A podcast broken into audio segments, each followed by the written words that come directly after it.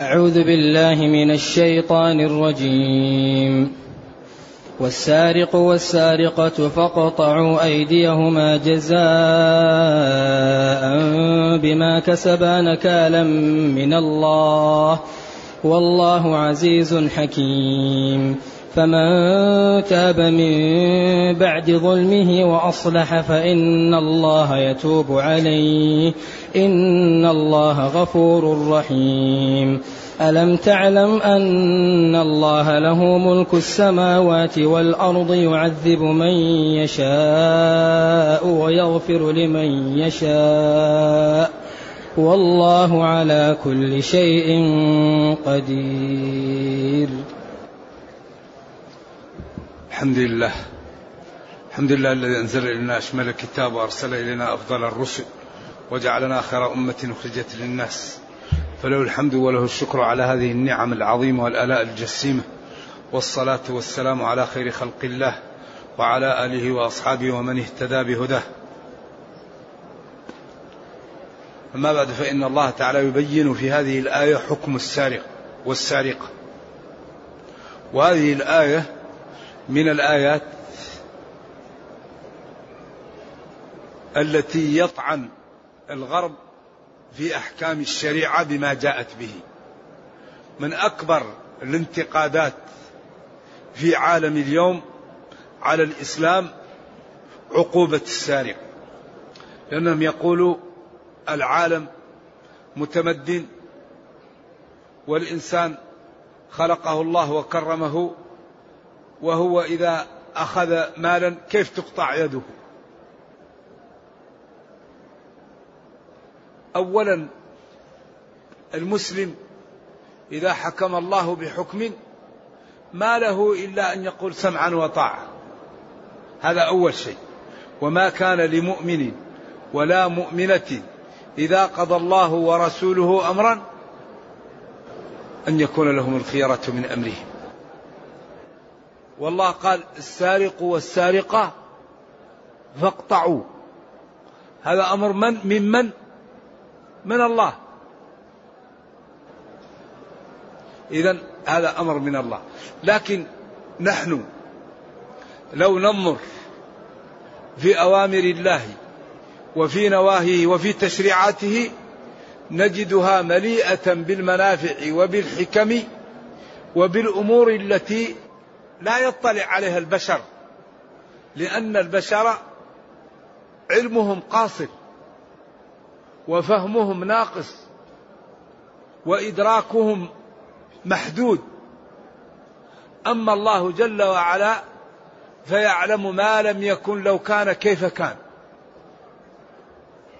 وعلمه محيط بكل شيء.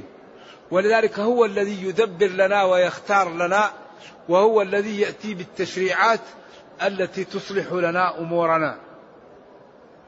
والنفوس متعلقة بالمال. يعني النفس لما خلقها الله وضمن لها الرزق جبلها على على محبة المال. قال بعض العلماء ما ترى في الناس من محبة المال هذا لقوة الضمان لأن الله قال وما من دابة في الأرض إلا على الله رزقها. لما ضمن لها الرزق هيأ لها الأسباب فجعل النفوس تحب المال حبا جما وإنه لحب الخير لشديد. الإنسان غريب. فلذلك هذا من تدبير الله للكون لأنه لو قال أنا ضمن للرزق ولم يجعل في هذه المحبة لما لما اشتغل ولما بحث عن الرزق. لكن الله لما ضمن له الرزق جعل في قلبه هذه إيش؟ هذه الشهوة للمال. لذلك شهوة المال عجيبة. تجد الواحد الآن عنده مئة مليون. طيب لماذا لا يستريح؟ عندك مئة مليون. طيب كل يوم لو تأكل كل يوم كم؟ لو كل يوم تأكل مئة ألف ما ينتهي هذا طول عمرك. طيب لماذا لا تتريح يا أخي وتعبد الله وتستريح تجد إن كل ما زاد المال كل ما زاد لهبها. ولذلك الناس اللي عندهم الأموال ينظروا إلى ثلاثة. واحد أمامه كيف يلحقه؟ وواحد معه كيف يسبقه؟ وواحد وراه كيف ما يلحق به؟ إذا لا ينظر إلا إلا المسابقة. لأن خلاص فلان عنده مئة مليون أنا مفروض نكون عندي مئتين. نسبق اللي عنده مئة مليون. فلان عنده سبعين إذا لم نجتهد يلحقني. فلان عنده ثلاثمائة مليون ينبغي أن نلحقه. إذا القضية أصبحت إيش؟ مسابقة. لكن سبحان الله العظيم الله لما ضمن للناس الرزق جعل في قلوبهم هذا محبة المال. ولذلك ورد عنه صلى الله عليه وسلم أنه قال اتقوا الله وأجملوا في الطلب. اتقوا الله وأجملوا في الطلب. لأن من تقوى الله أن الإنسان لا يجلس مكفوف الأيدي على على الناس. ومن تقوى الله أيضا أنه يجمل في الطلب. لا يبحث عن المال من الطرق الحرام. ولا عن طرق الدنيئة. يبحث عن الطرق المباحة ولذلك ورد عن الشافعي أنه قال وإذا سمعت بأن محروما أتى ماء ليشربه فغاض فصدقي وإذا سمعت بأن مشدودا أتى عودا فأثمر في يديه فحققي ومن الدليل على القضاء وكونه بؤس اللبيب وطيب عيش الأحمق. لذا كان دائما يقولوا من, من من رزق الغناء حجب الحجاء ومن رزق الحجاء حجب الغناء ضدان مفترقان أي تفرق. لكن ما هو لازم؟ قد يكون الإنسان عنده المال وعنده العقل. وقد يكون لا مال عنده وعنده العقل. وقد يكون عنده المال والعقل غير موجود. هذه أمور يختار الله ويختص من شاء بما شاء. ولذلك يقول كم عالم يسكن بيتا بالكرى؟ وجاهل له قصور وقرى. لما قرأت قوله سبحانه نحن قسمنا بينهم زال المرى. كم عالم عالم نعيت مذاهبه وجاهل جاهل تراه مرزوقا. هذا الذي صير الأوهام حائرة وجعل العالم النحرير زنديقا. فهذه أمور اختصاصات ومنح إلهية ولكن أكثر ما يطعن الغرب على الإسلام في عقوبة السارق. قالوا هذه وحشية. يد سليمة تقطع. لماذا لا يسجن أو يؤدب أو يضرب؟ ولكن الله تعالى الذي خلق البشر نظامه هو الذي يصلح البشر. فهذه اليد التي كانت طاهرة طيبة أخذت وتنجست بسرقة أموال الآخرين ثم جعلت مئات الأيدي كأنها مشلولة لأنها أخذت أموالهم فأصبح كأن يده مقطوعة لأن ماله أخذ وبقع كأنه مشلول ما يمكن أن يتصرف. فرحمة به وتطهيرا له أمر أن تزال هذه اليد الخبيثة التي تنجست. ولأنه جعل مئات الأيدي عاطلة وكأنها مسلولة بأخذ أموالها شلت يده حتى يرتدع وإذا رأى غيره ما فعل به عند ذلك يترك السرقة. لذلك لا يوجد عقوبة متجهة للسرقة مثل عقوبة الإسلام. لأنك لو تضربه بكرة يسرق لو تسجنه يطلع يسرق. لكن لو تقطع يده خلاص يتوب توبة نصوح. ما يقدر بعدين يسرق. وإذا رآه الثاني يقول ولذلك في الأثر أنها تعلق في, في رقبته. وتعلق حتى يراها الناس ليخافوا. ولذلك الحدود زواجر وجوابر الحدود زواجر. ولذا أمر قال وليشهد عذابهما طائفة. لا بد إذا أراد أن توقع العقوبة على عامل الفاحشة أو على الصاحب يأتي بعض الناس لينقلوا يقول رأينا فلان. يعني بشرت عليه العقوبة. فيشيعها بين الناس. فيكون هذا فيه عقوبة له وفيه أيضا ردع للآخرين. وقيل ليشهد الناس ويدعو له. يقول اللهم اغفر له اللهم استره مسكين. ولكن الذي يظهر إنهم يعني يشهدوا ليشيعوا ذلك بين الناس حتى يخاف الناس ويرتدعوا أما هي جوابر لأنه في البخاري من أتى شيئا من هذه القاذورات وعوقب به في الدنيا فهو كفارة له. إذا هذه اليد الخبيثة التي كانت قيمتها نصف دية. أصبحت تساوي ربع دينار أو ثلاثة دراهم. ولأنه إذا تركت هذه اليد تركت مئات الأيدي كأنها مقطوعة. إذا رحمة بصاحبها وتطهيرا له ورأفة بالآخرين وحفظا لأموالهم أمر ببتر هذه اليد وإبعادها عنه. نكالا من الله نكالا من الله عقوبة من الله لأجل النكال.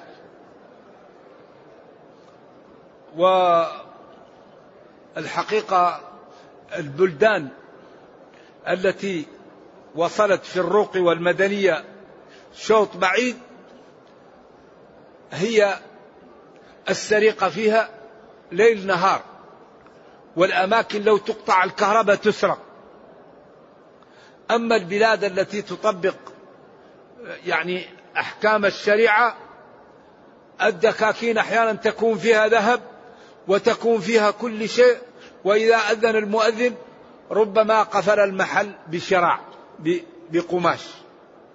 ويذهب يصلي ولا يمكن واحد يجرؤ ليأخذ شيء خوفا مما لا خوفا من القطع.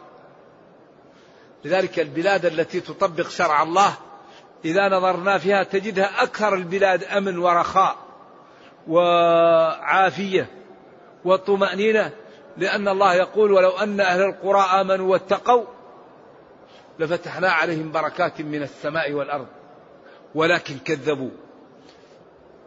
فإذا هذه العقوبة من الله وهي التي تردع السراق وهي التي تطهر السارق وهي التي إذا رآها من يطمع في أموال الناس للتلصص عليهم وأخذها سرقة كف عن ذلك وارتدع. لذلك قال جل وعلا والسارق والسارقة فاقطعوا أيديهما. لا بد من أن تكون السرقة من الحرز وكل مال له حرزه. يعني إنسان أخذ ماله وتركه في الشارع ذهب وفضة ورماه جاء واحد وأخذه لا يكون سارق لأنه ما أخذه من حرز يكون مختلس أو يكون إنسان جلي واحد عنده مال وغصبه وأخذه منه ليس بسارق. هذا يقال له لص متلصص إذا من شروط القطع أن يكون السارق سرق من إيش؟ من حرز. والأموال تختلف. حرز الذهب والفضة الصناديق. وحرز الحيوانات أن تكون لها حوائل أو أحواش توضع فيها.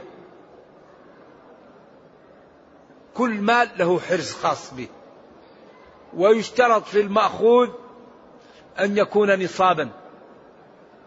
ربع دينار أو ثلاثة دراهم أو عشر دراهم على الخلاف بين أبي حنيفة والجمهور والجمهور قالوا ربع دينار أو قيمته. بعضهم قال ربع دينار أو ثلاثة دراهم وبعضهم قال ربع دينار أو عشر دراهم.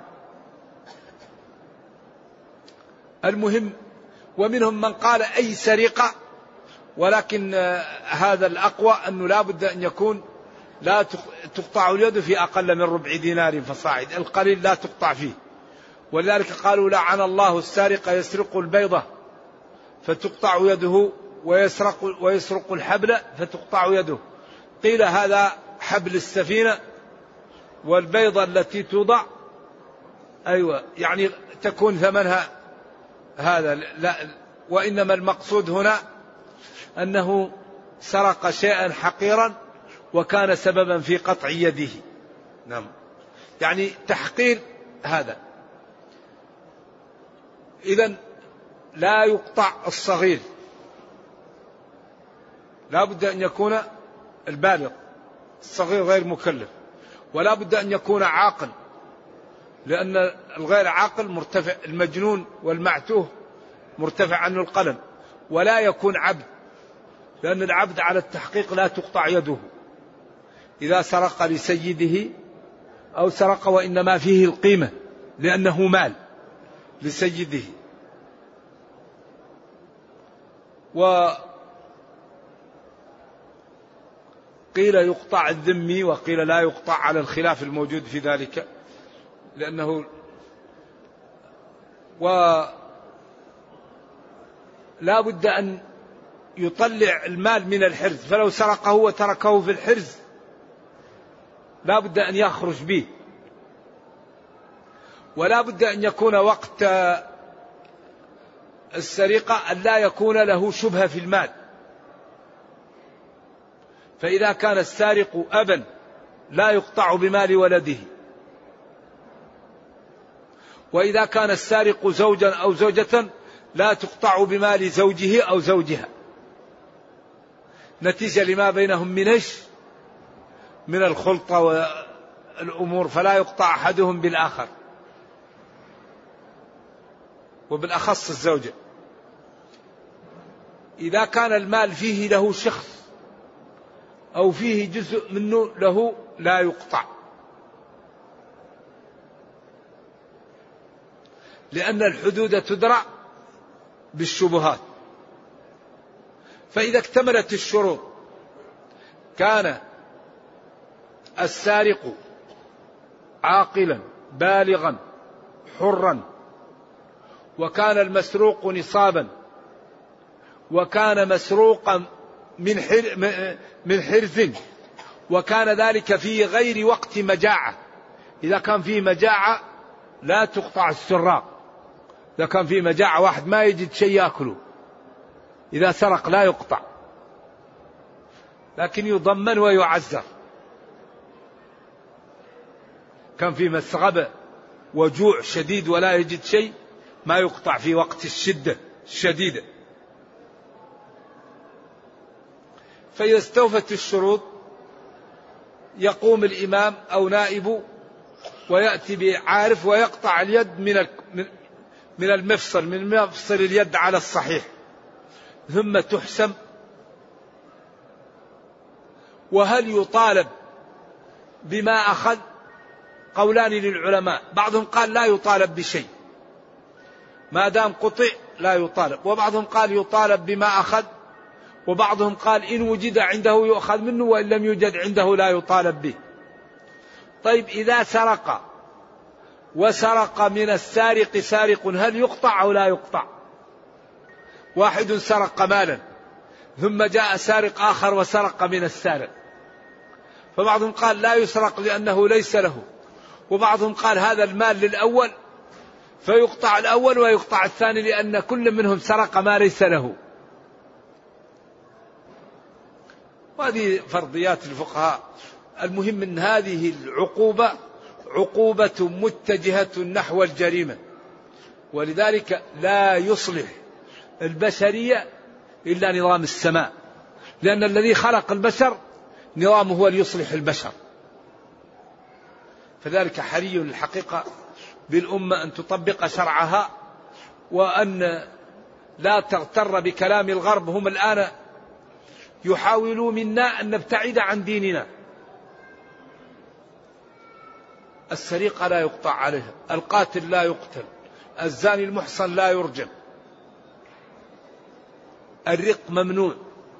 طبعا هم يريدوا منا شيئا فشيئا حتى كل ما تنازل لهم المسلمون عن بعض الأمور إيش؟ وهم لا يرضوا منا إلا إذا كما قال الله تعالى لا يرضوا منا إلا إذا تركنا ديننا. هذا الذي يرضي أعداءنا يرضي اليهود والنصارى أن يتخلى المسلمون عن دينهم. ولن ترضى عنك اليهود ولا النصارى حتى تتبع ولكن ديننا والحمد لله دين قويم. قوي مبني على أسس ثابتة والذي يدعو له واضح والأدلة والبراهين والحجج التي يأتي بها لا يمكن أن ترد.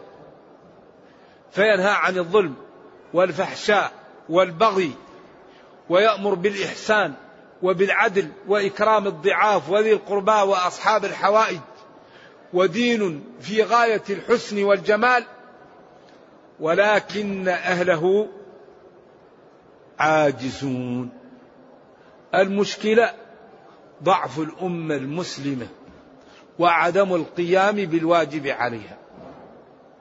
أمة مسلمة كثيرة وهي في المحافل كغثاء السيل. الأمة المسلمة قال أنتم كثير ولكنكم ولذا هذا التعبير فيه إعجاز. وفيه بلاغة وفيه حسن.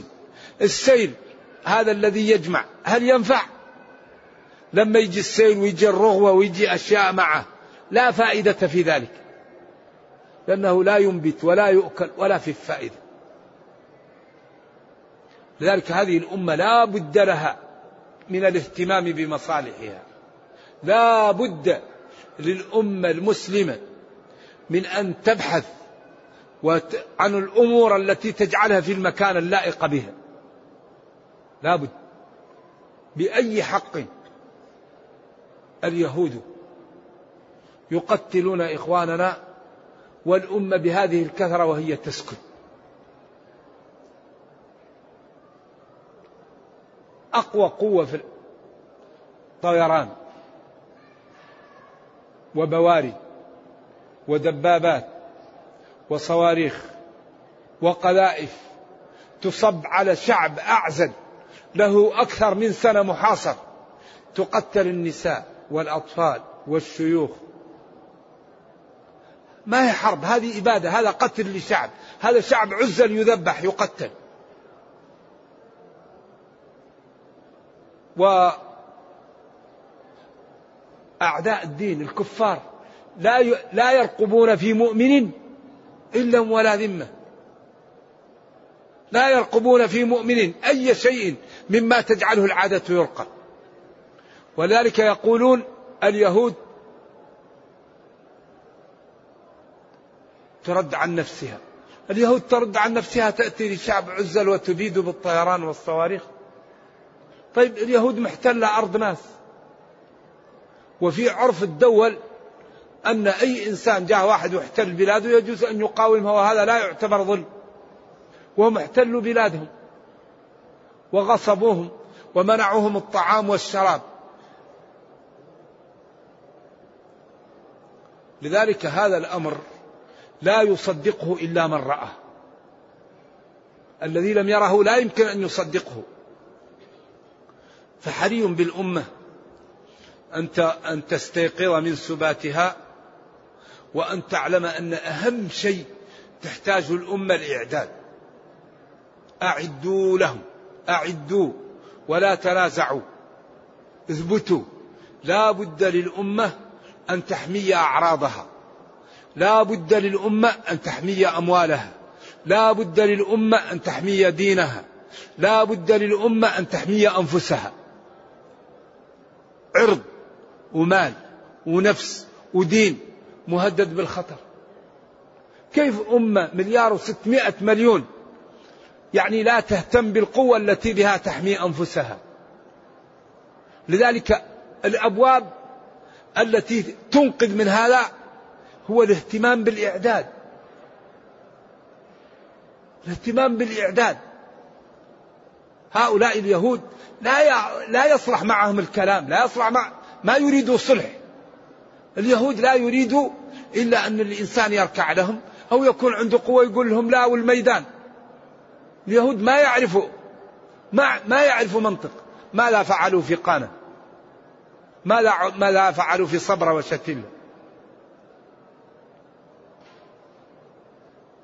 ماذا فعلوا بزكريا ويحيى. اليهود قوم بهت. لذلك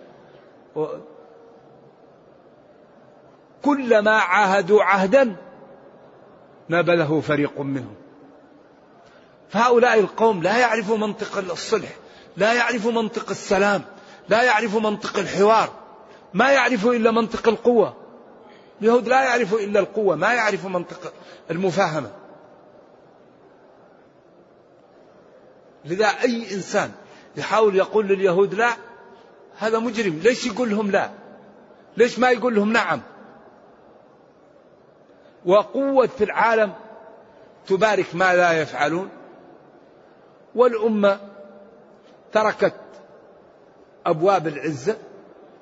والذي يترك باب يترك السبب. ما يمكن أن ينال المسبب. العزة لها ثمن. لولا المشقة ساد الناس. لولا المشقة. ساد الناس كلهم. لماذا؟ الجود يفقر والإقدام قتال. والسؤدد منحصر في النفس والمال. إذا حري بهذه الأمة أن تهتم بأربع أمور. بأموالها وأنفسها ودينها وبأعراضها. وهذا لا يمكن إلا بأن المسلمين يعرفون بعضا ويتعاونون.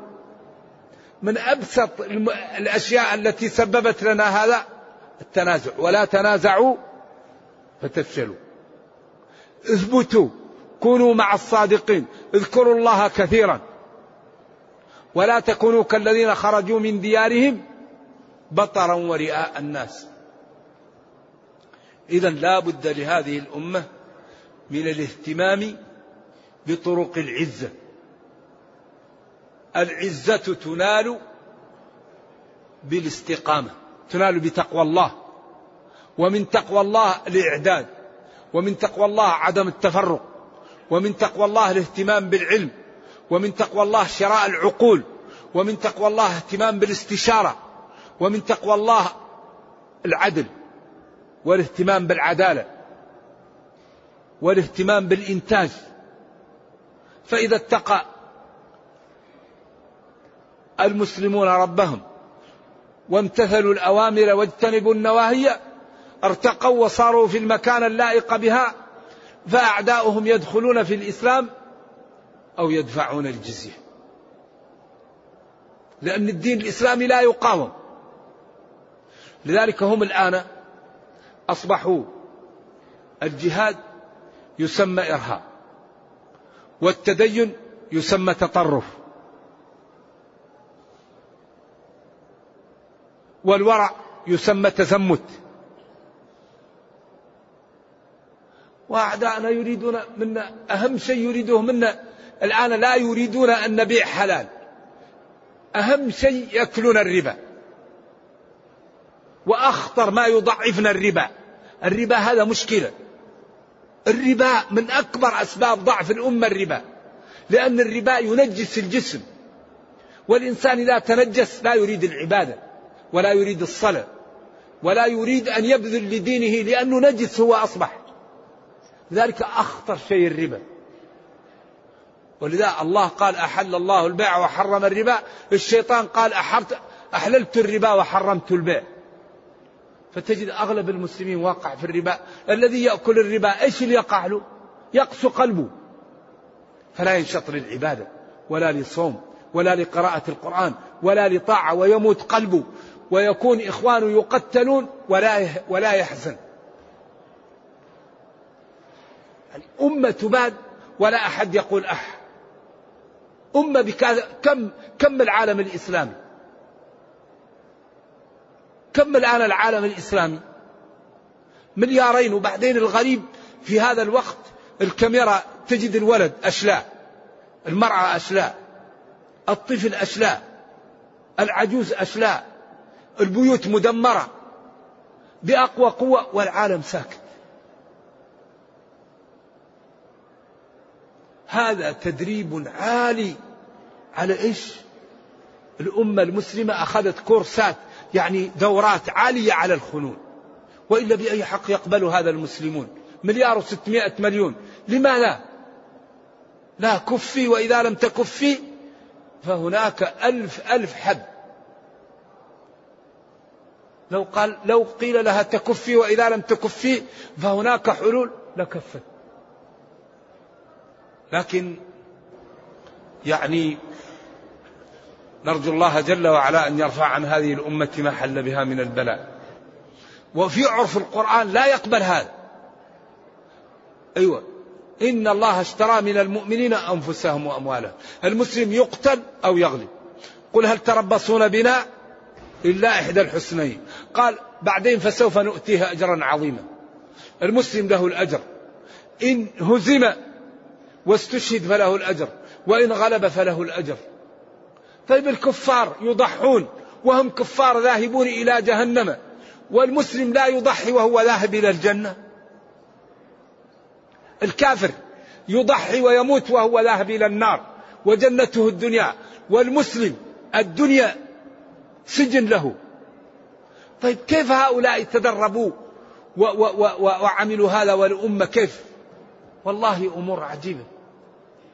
إذا نحن الآن أهم ما نهتم به المؤسسات الذي ينقذ الأمة الاهتمام بالمؤسسات الاهتمام بالعقول.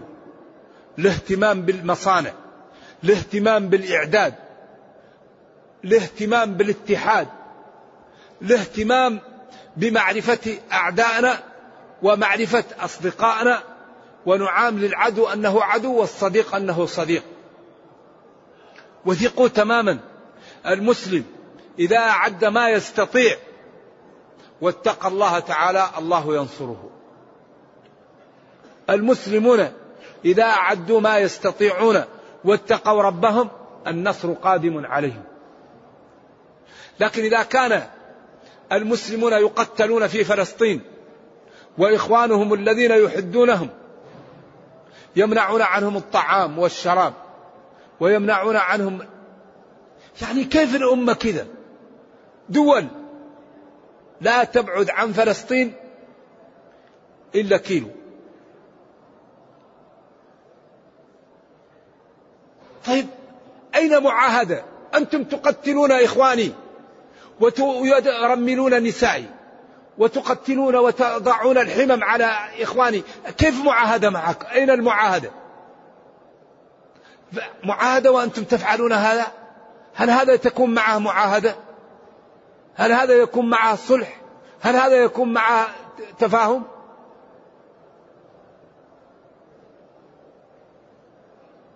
ولكن الله تعالى غالب على امره ولا يغير ما بقوم حتى يغيروا ما بأنفسهم. أين المسلمون من تطبيق شرع الله؟ أين المسلمون من التعامل البيوع بشرع الله؟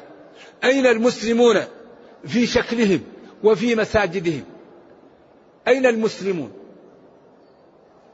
إذا قل هو من عندي أنفسكم إذا ما أصاب المسلمين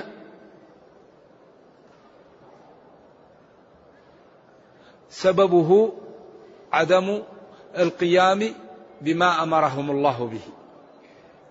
فإذا أردنا أن يرتفع هذا عن المسلمين نسير على الطرق المرسومة لنا أوفوا بعهدي أوفي بعهدكم. إن الله لا يخلف الميعاد. إذا الطريق واضحة ولكن نرجو الله جل وعلا أن يرفع عن أمتنا ما حل بها من البلاء.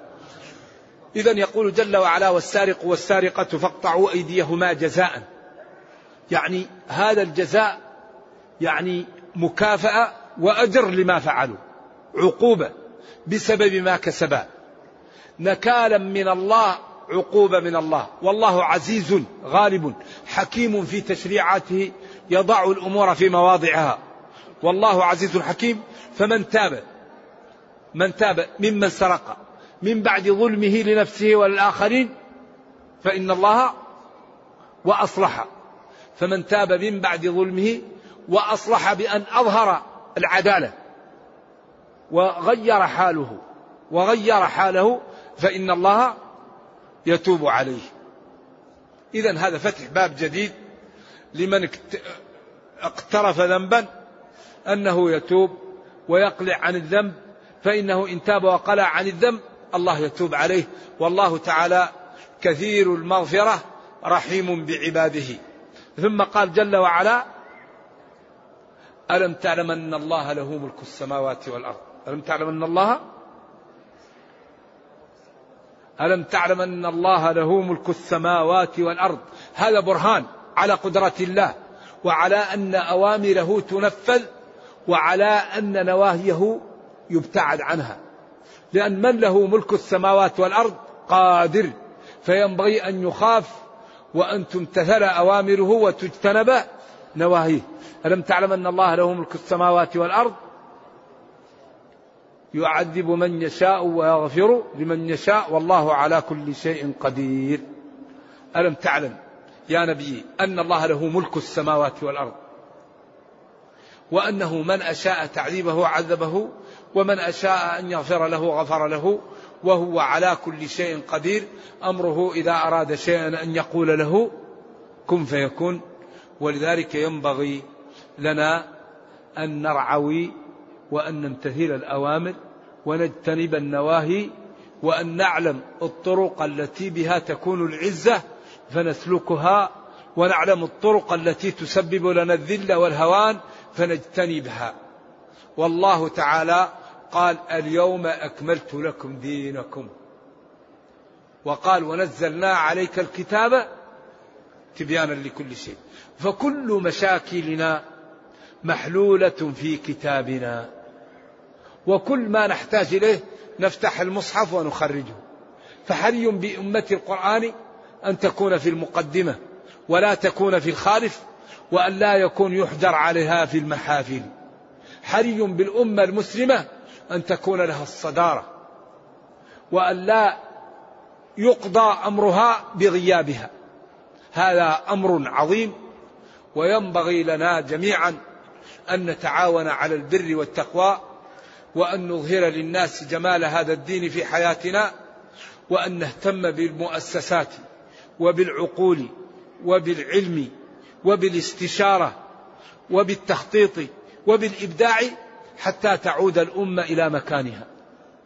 أما إذا كان كل واحد يجعل اللوم على الآخر وكل بلد مسلم يجاوره بلد مسلم بينهم النفرة والتخاذل والتباعد هذا الذي سبب لنا الضعف كما قال جل وعلا ولا تنازعوا فتفشلوا.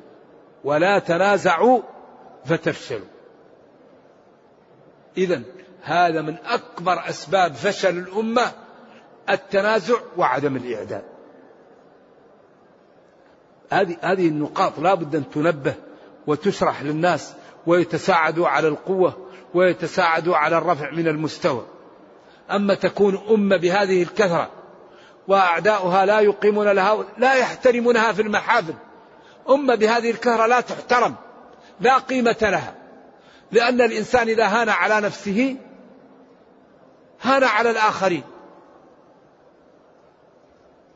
ونرجو الله جل وعلا أن يرفع عن أمتنا ما حل بها من البلاء. اللهم إنا نسألك التقى والهدى والعفاف والغنى. اللهم ربنا آتنا في الدنيا حسنة وفي الآخرة حسنة وقنا عذاب النار. اللهم وحد صفوف المسلمين. اللهم قوي شوكتهم. اللهم اجمع كلمتهم على الإسلام. اللهم إنا نسألك أن ترفع عن هذه الأمة ما حل بها من الضعف. اللهم إنا نسألك أن ترفع عنها كيد أعدائها. اللهم فرج عن إخواننا في فلسطين. اللهم فرج عن إخواننا في غزة. يا مفرج الكروب فرج كروبهم. اللهم إنا نسألك ان ترينا عجائب عدلك في يهود. اللهم عليك بيهود. اللهم إنهم لا يعجزونك. اللهم إنهم طغوا وتكبروا وتجبروا وظلموا وفعلوا ما ما ترى. اللهم عليك بيهود. اللهم اهزمهم في فلسطين. اللهم دمرهم. اللهم انزل عليهم بأسك الذي لا يرد عن القوم المجرمين. اللهم اشف صدور قوم مؤمنين من يهود. اللهم عليك بيهود اللهم عليك بيهود اللهم إنا نسألك أن تغفر لنا ذنوبنا اللهم اغفر لنا ذنوبنا اللهم اغفر لنا خطايانا اللهم تجاوز عن سيئاتنا. سبحان ربك رب العزة عما يصفون وسلام على المرسلين والحمد لله رب العالمين والسلام عليكم ورحمة الله وبركاته.